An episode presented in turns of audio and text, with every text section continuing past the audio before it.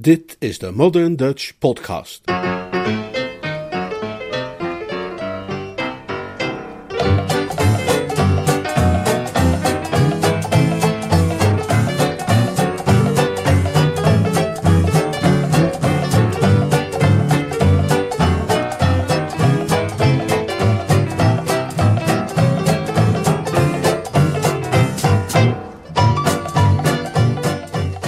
Graag gedaan.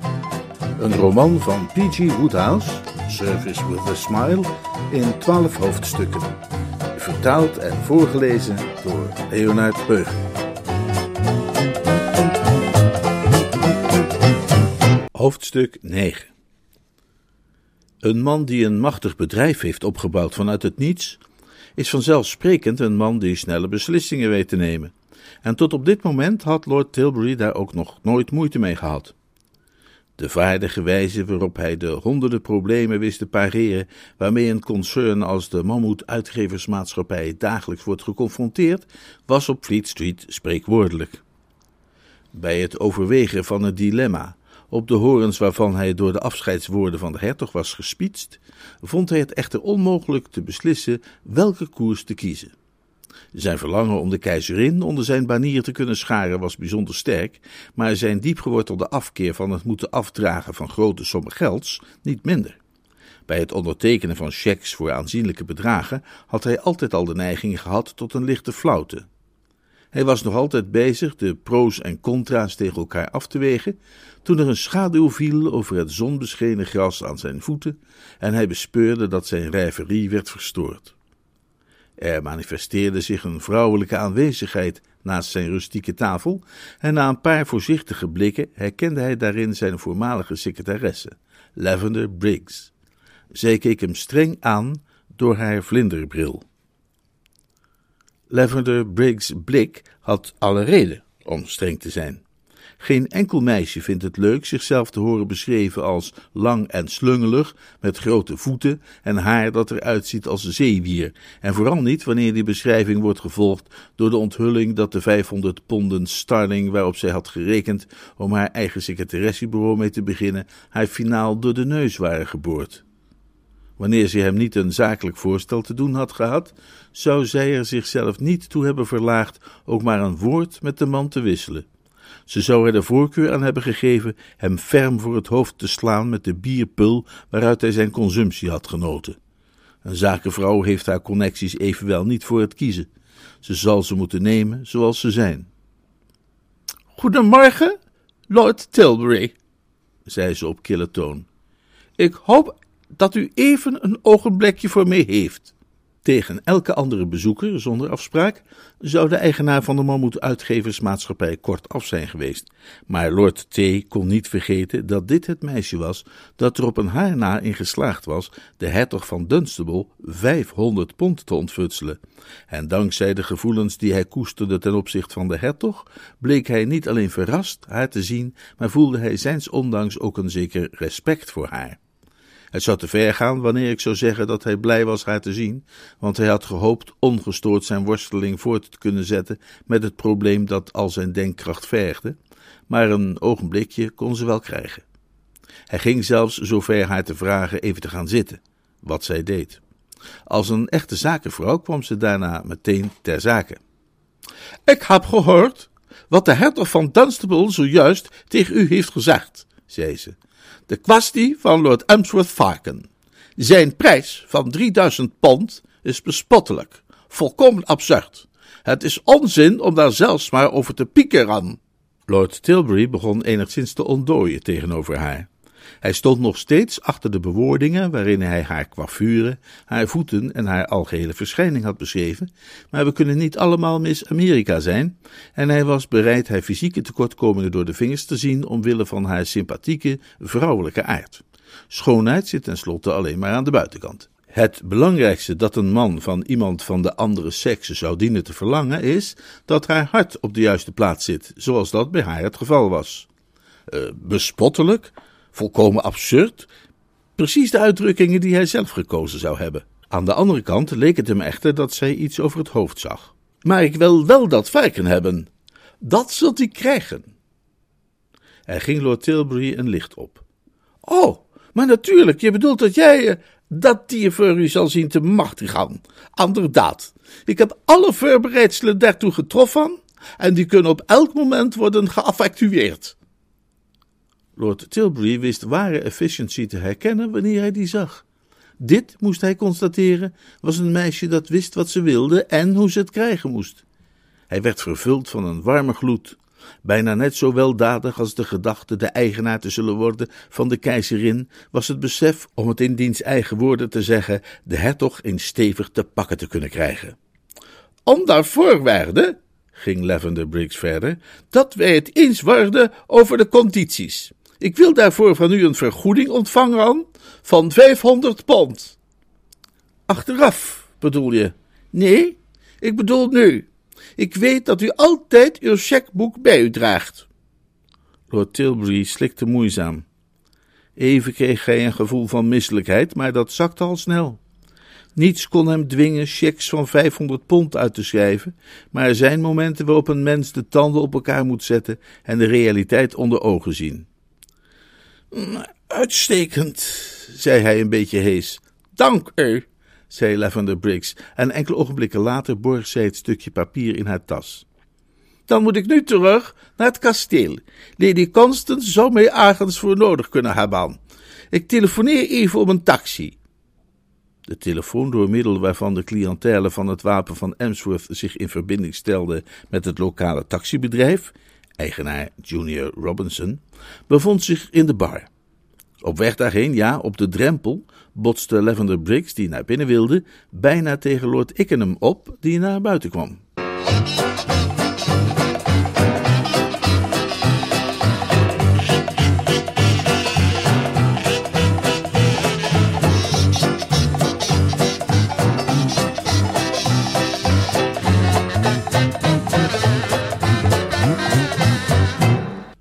Ickenham was naar de bar van het Wapen van Emsworth gekomen, omdat de hitte van de dag hem zin had gegeven de kennismaking te hernieuwen met G. Ovens zelfgebrouwen bier, waaraan hij vele uitstekende herinneringen had.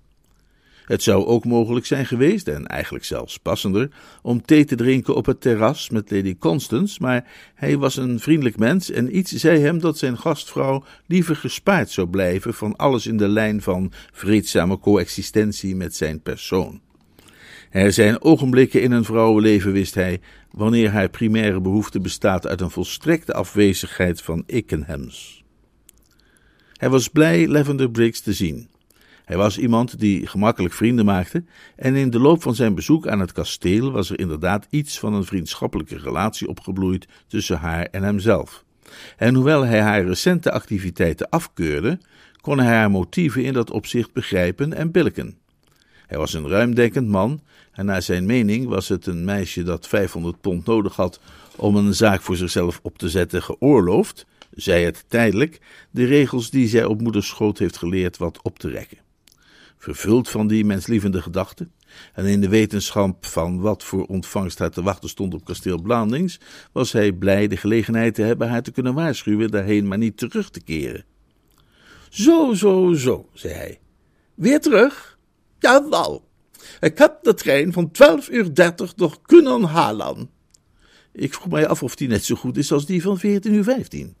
Pardon? Sommige losse gedachten. Ik heb toevallig die van 14 uur 15 door iemand horen aanbevelen. Uh, leuke tijd gehad in Londen? Heel aangenaam, dank u. Ik hoop dat ik u niet weerhouden heb van een glaasje hier aan de bar. Ik wilde alleen even een taxi bellen om mij naar het kasteel te brengen. Ah, juist, ik zou dat niet doen. Bent u bekend met het gedicht Excelsior? Dat heb ik als kind wel gelezen, zei Lavender Briggs met een lichte huivering van afschuw. Ze was geen bewonderaar van Longfellow. Dan zult u zich herinneren wat de oude man zei tegen die kerel met die banier met die vreemde leus erop. Vermijd de pas, zei hij. Duister en dreigend daalt daar de storm. En datzelfde zegt een oud man, nou ja, een wat oudere, maar bliksems goed geconserveerde man, nu tegen u. Uh, vermijd die taxi. Gebruik die niet. Blijf er verre van. U bent beter af zonder. Ik heb geen idee wat u bedoelt. Er zijn vele dingen waar u geen idee van hebt, Miss Briggs, zei Lord Ickenham ernstig, zoals bijvoorbeeld van het feit dat er een grote vlek op uw neus zit. Oh, is dat zo? vroeg Lavender Briggs, maakte haastig haar tasje open en rommelde naar haar spiegeltje. Ze hanteerde een papieren zakdoekje. Beter zo? Vrijwel perfect. Ik wou dat ik hetzelfde kon zeggen met betrekking tot uw algemene situatie.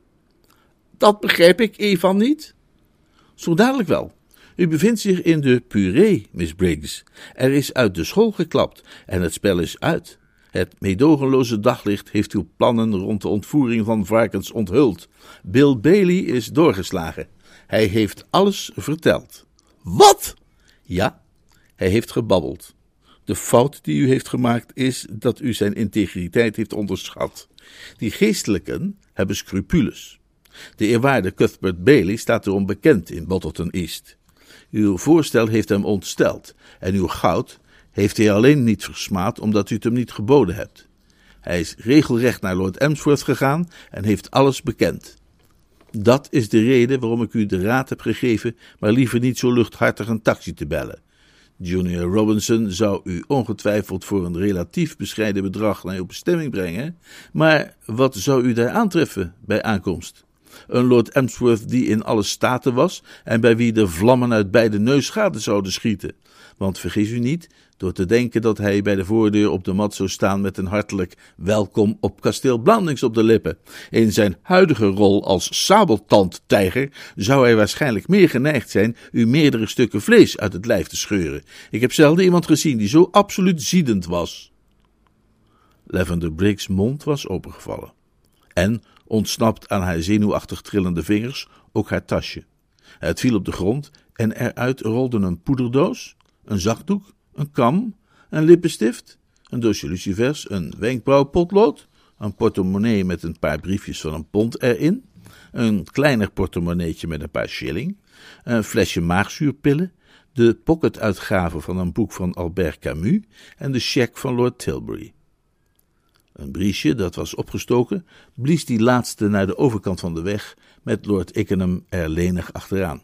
Hij wist hem te pakken te krijgen, wierp er een blik op en bracht hem haar terug met opgetrokken wenkbrauwen. U rekent een pittig tarief voor het stelen van varkens, zei hij. En wie is die Tilbury? Iets te maken met Tilbury House? Lavender Briggs was een vrouw die stevig in elkaar zat. Waar een zwakkere vrouw bezweken zou zijn en aan het huilen geslagen, deed zij alleen haar mond weer dicht en verstrakte haar lippen. Hij is er de eigenaar van, zei ze en nam de cheque aan. Ik ben vroeger zijn secretaris geweest. Lord Tilbury. Oh, die figuur. Maar lieve hemel, wat doet u nu? Ik verscheur zijn cheque. Met een geschrokken gebaar weerhield Lord Ickenham haar daarvan. Mijn lieve kind, dat zou toch niet erg handig zijn? Hij zou je veel te goed van pas komen in je zaken. Maar ik kan dat geld nu toch niet meer van hem aannemen, man. Maar natuurlijk wel. Hou eraan vast als een kleefpleister. Die man heeft sowieso veel te veel geld en dat is heel slecht voor hem. Zie het behouden van die 500 als een vriendelijke daad die voor zijn bestwil is, erop gericht om hem tot een beter, genuanceerder mens te maken. Het zou een keerpunt kunnen blijken te zijn in zijn leven. Ik zou zelf ook graag die Tilbury 500 pond lichter maken, als ik maar een manier kon bedenken om dat te doen. Ik zou het als mijn plicht beschouwen. Maar als je daar scrupules bij hebt, hoewel er helemaal geen reden voor is, want je bent geen geestelijke, zie het dan als een lening. Je zou hem zelfs rente kunnen betalen. Niet te veel natuurlijk, hij moet niet verwend worden. Hè? Ik zou zeggen elk jaar een vijfje, met als vriendelijk gebaar daarbij een bosje witte viooltjes. Maar daar kun je zelf op je gemak nog eens over nadenken. Het probleem dat zich volgens mij nu voordoet is, hoe nu verder? Ik neem aan dat je graag terug wilt naar Londen, maar weer zo'n suffe treinreis is natuurlijk niks. Weet je wat? Zei Lord Ickenham als bij ingeving. We huren een auto voor je. Ik betaal dat wel, dat kun je me dan ooit nog wel eens teruggeven als dat secretaressebureau van jou een beetje begint te lopen. En vergeet dan vooral niet dat bosje witte viooltjes. Oh, Lord Ickenham, zei Lavender Briggs innig, wat bent u toch in grote hulp? Hulp is iets dat ik altijd graag ben, zei Lord Ickenham op de van hem bekende hoffelijke wijze.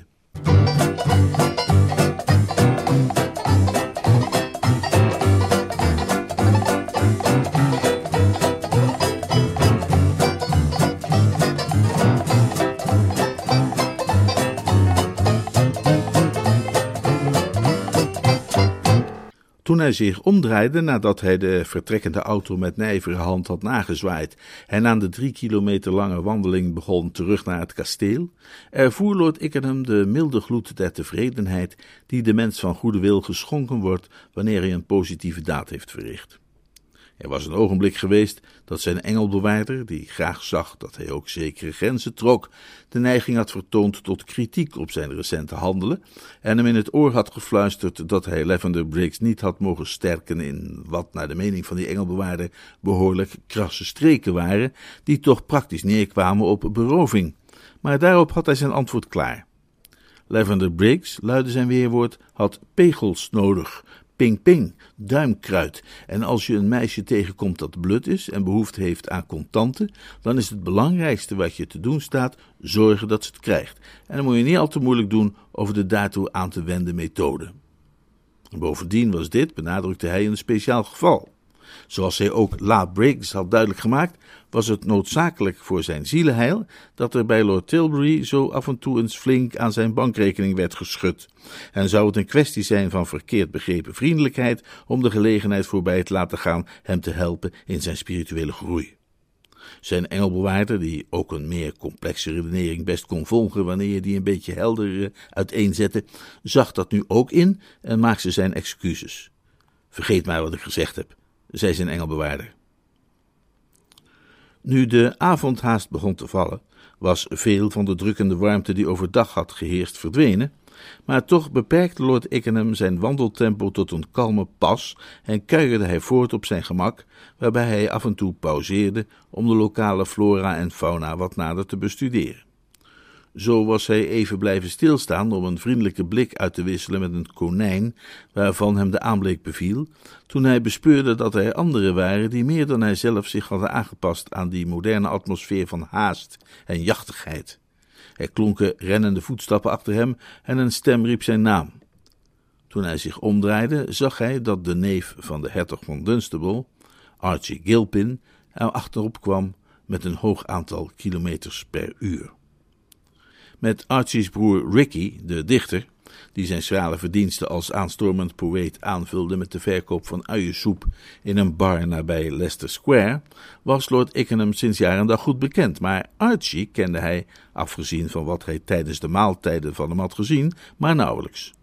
Desondanks begroet hij hem met een hartelijke glimlach. Zijn gejaagde houding wekte de indruk dat het hier om een medemens ging die dringend behoefte had aan advies en goede raad, en Lord Ickenham was als altijd gaarne bereid die te geven. Hij was allerminst geneigd zijn diensten te beperken tot de kring van zijn persoonlijke vrienden. Hallo daar, zei hij, aan het trainen voor de lokale sportdag? Archie kwam hijgend tot stilstand. Hij was een uitzonderlijk welgeschapen jongeman. Pongo had hem in het stadskantoor van Milton Street beschreven als bijzonder knap, maar Lord Ickenham beschouwde dit, nu hij hem had ontmoet, als veel te voorzichtig uitgedrukt. Lang en slank en elegant als hij was, zag hij eruit als een filmster van het betere soort.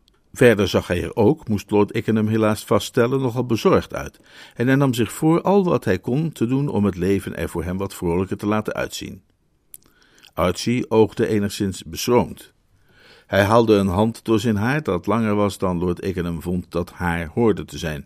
Een bezoek aan de kapper zou naar zijn oordeel deze Gilpin bepaald geen kwaad doen.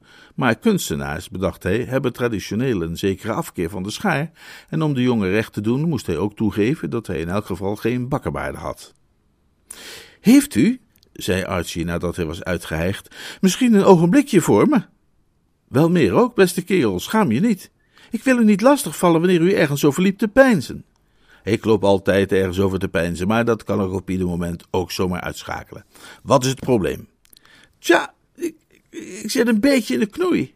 Uh, mijn broer Ricky heeft wel eens tegen me gezegd dat als ik ooit op de een of andere manier in de knoei zou raken, dat u dan de man was om mij eruit te halen. Als het erom gaat dingen te regelen, zei hij, dan bent u iemand die je zou moeten zien om het te kunnen geloven. Daar was Lord Ickenham erg blij mee. Een mens ontvangt graag lof van zijn fans. Waarschijnlijk heeft hij daarbij gedacht aan die keer dat ik eraan heb kunnen bijdragen dat hij dat geld kreeg waarmee hij zijn uiensoepbar heeft kunnen beginnen. Vreemd genoeg heb ik het me eerst door mijn neef Pongo moeten laten uitleggen voordat ik begreep wat een uiensoepbar eigenlijk was. Ik heb altijd op het platteland gewoond en wij provincialen houden niet zo goed bij wat er in de mode is.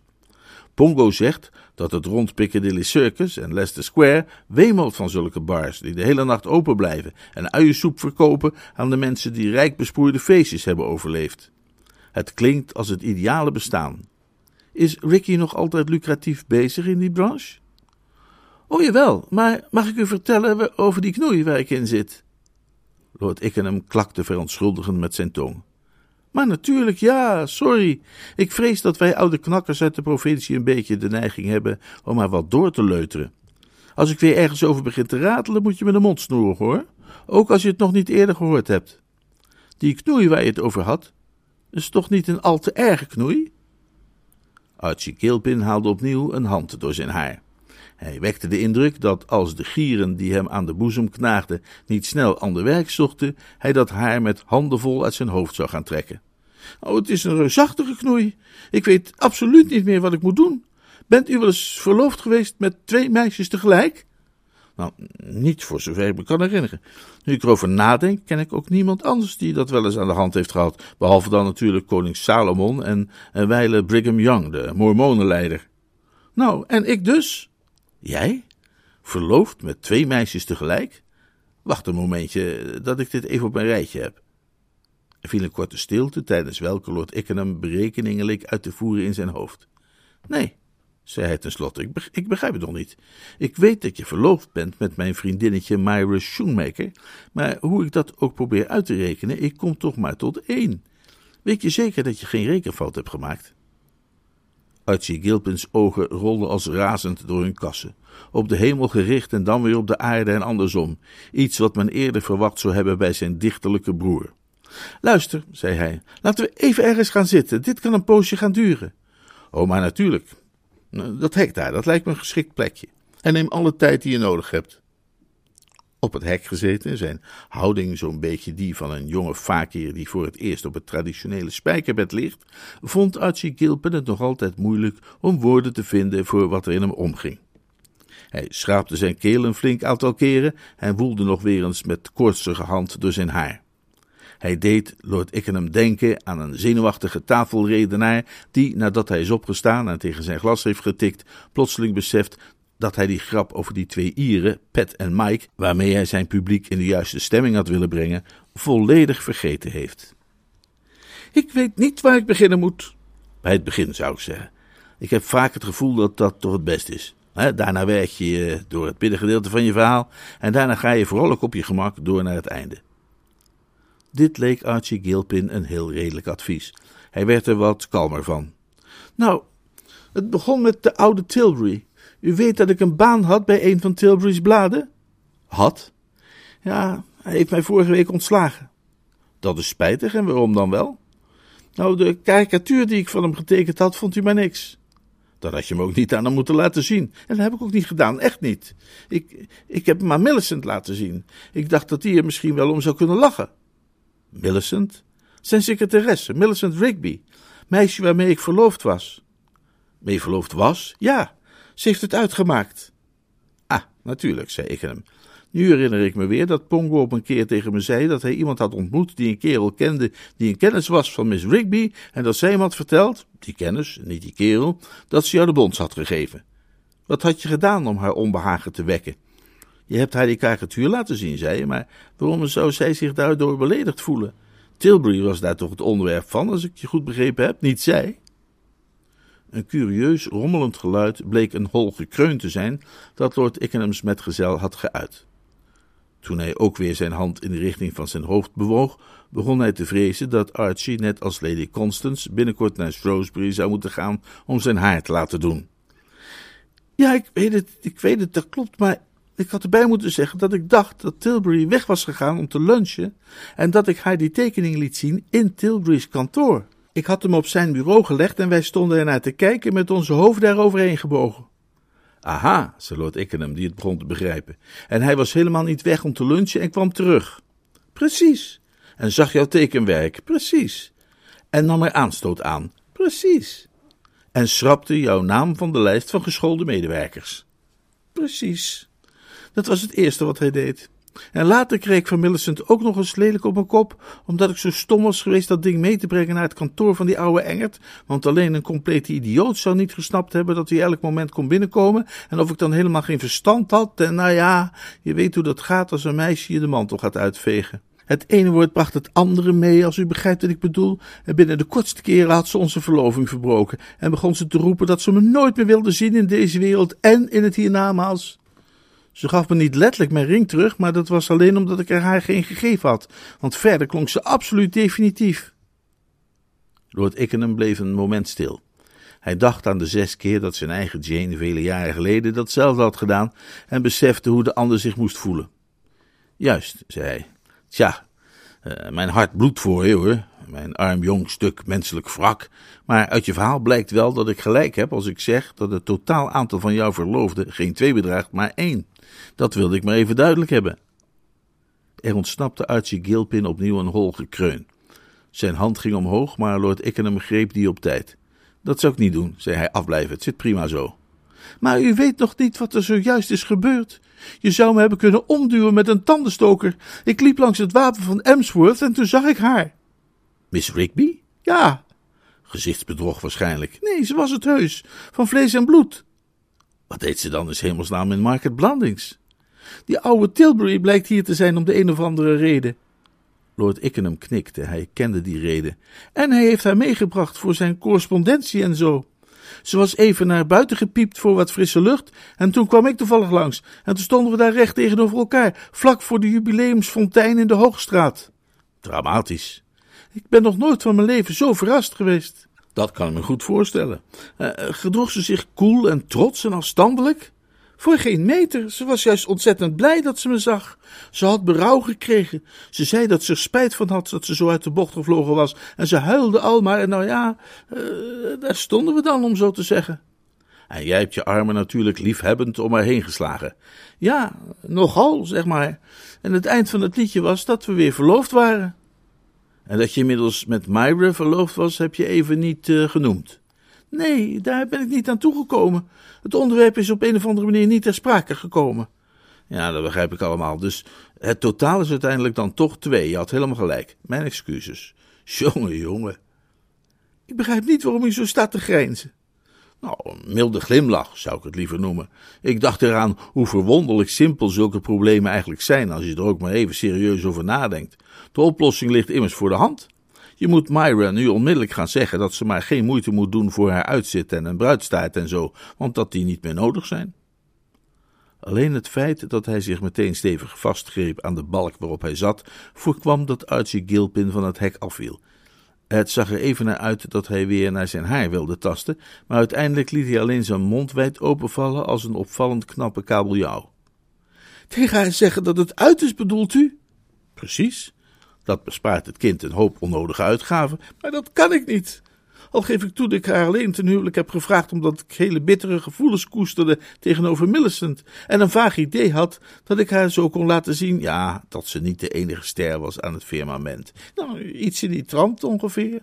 En ik was behoorlijk opgelucht toen ze me afwees. Ten nauwe ontsnapt, had ik het gevoel. Maar nu ze bij nader inzien besloten heeft dat ze toch ja tegen me wilde zeggen, lijkt het mij onmogelijk om zomaar bij haar binnen te lopen om te vertellen dat ik van gedachten veranderd ben. Nou ja, zeg, dat zie ik me eenvoudig niet doen. Onmogelijk. Je bedoelt dat als een Gilpin eenmaal zijn woord van trouw gegeven heeft, dat ook gegeven blijft. Hm? Een heel lovenswaardige houding, maar alleen jammer dat jij dat woord zo vaak geeft. Maar als je bang bent dat je misschien haar tere hartje zou kunnen breken, vrees dan niet. Ik kan je met stelligheid vertellen dat ze, als het aan haar lag, ze voor nog geen seconde met jou zou willen trouwen. Waarom zegt ze dan tegen mij van wel? Om precies dezelfde reden waarom jij haar gevraagd hebt. De verhouding met haar verloofde was ernstig gespannen, net als die tussen jou en Miss Rigby, en ze heeft het gedaan om een gebaar te maken, zoals dat heet. Ze wilde hem er, kort gezegd, een lesje mee leren. Ze heeft dus een verloofde. Nou en of, je kent hem wel, mijn vriend Merryweather. Goeie hemel! Archie Gilpin leek ervan op te bloeien als een roos in juni. Maar dat is geweldig, u heeft me helemaal gerustgesteld. Tot je dienst, jongen. Nu zie ik weer licht in de tunnel. Nu weten we weer waar we staan. Maar opgepast, nu moeten we ons niet meteen gaan. Uh, hoe heet dat ook weer? Overhaasten? Precies. We moeten even heel voorzichtig manoeuvreren. Want op basis van mijn verloving met de dochter van een miljonair had ik wel gehoopt duizend pop te kunnen losweken van oom Ellerik, begrijpt u wel? Lord Ickenham kneep zijn lippen samen. Van zijn genade de verbijsterende hertog van Dunstable? Dat zal niet gemakkelijk zijn. Zijn eenrichting portefeuille is in heel Engeland spreekwoordelijk. Archie knikte. Hij was nooit blind geweest voor het feit dat iemand die contanten probeerde te verkrijgen van de hertog van Dunstable zich in dezelfde soort positie bevond als iemand die een opvliegende wolfshond zijn bot probeert af te pakken. Ja, ik weet het, maar ik heb zo'n gevoel dat het misschien wel gaat lukken. Toen ik hem vertelde dat ik met Myra verloofd was, gedroeg hij zich opeens bijna beleefd tegen me. Ik geloof dat hij rijp is om te worden geplukt, en ik moet eenvoudig aan duizend pond zien te komen. Waarom precies dat bedrag? Omdat dat precies het bedrag is dat Vicky mij vraagt om mij mede-eigenaar te maken van zijn soepwinkel. Hij wil uitbreiden en heeft behoefte aan kapitaal. Hij zei dat als ik duizend pond inleg, ik een derde van de winst kan krijgen, die enorm is. Ja, dat heeft Pongo me verteld. Hij schetste me dichte menigten die zich avond aan avond, of liever iedere nacht, na hun rijk bespoeide feestjes voor Ricky's bar verdringen als bizons op zoek naar een drinkplaats. Dat klopt, het is zo. Er is iets met uiensoep dat ze lijkt aan te trekken als een magneet. Zelf lust ik dat spul niet, maar over smaak valt niet te twisten. Maar dit is het plan, zoals ik het zie, zei Archie met groeiend enthousiasme. We houden het even zoals het nu is. Myra verlooft met mij, ik verloofd met Myra. En oom Ellerik, die dat helemaal ziet zitten en tegen mij zegt dat ik alles van hem kan krijgen, al is het zijn half koninkrijk. Ik krijg die duizend pop, Myra geeft mij de bons, ik ga af door een zijdeur en trouw met Millicent. Myra trouwt met die Mary figuur en iedereen is gelukkig. Nog vragen? Een blik van spijt en medelijden was op Lord Ickenham's gezicht verschenen. Het deed hem pijn te moeten optreden als de boze heks in dit sprookje van de jongeman, maar hij had geen alternatief. Myra kan jou de bons niet geven. Archie staarde hem aan.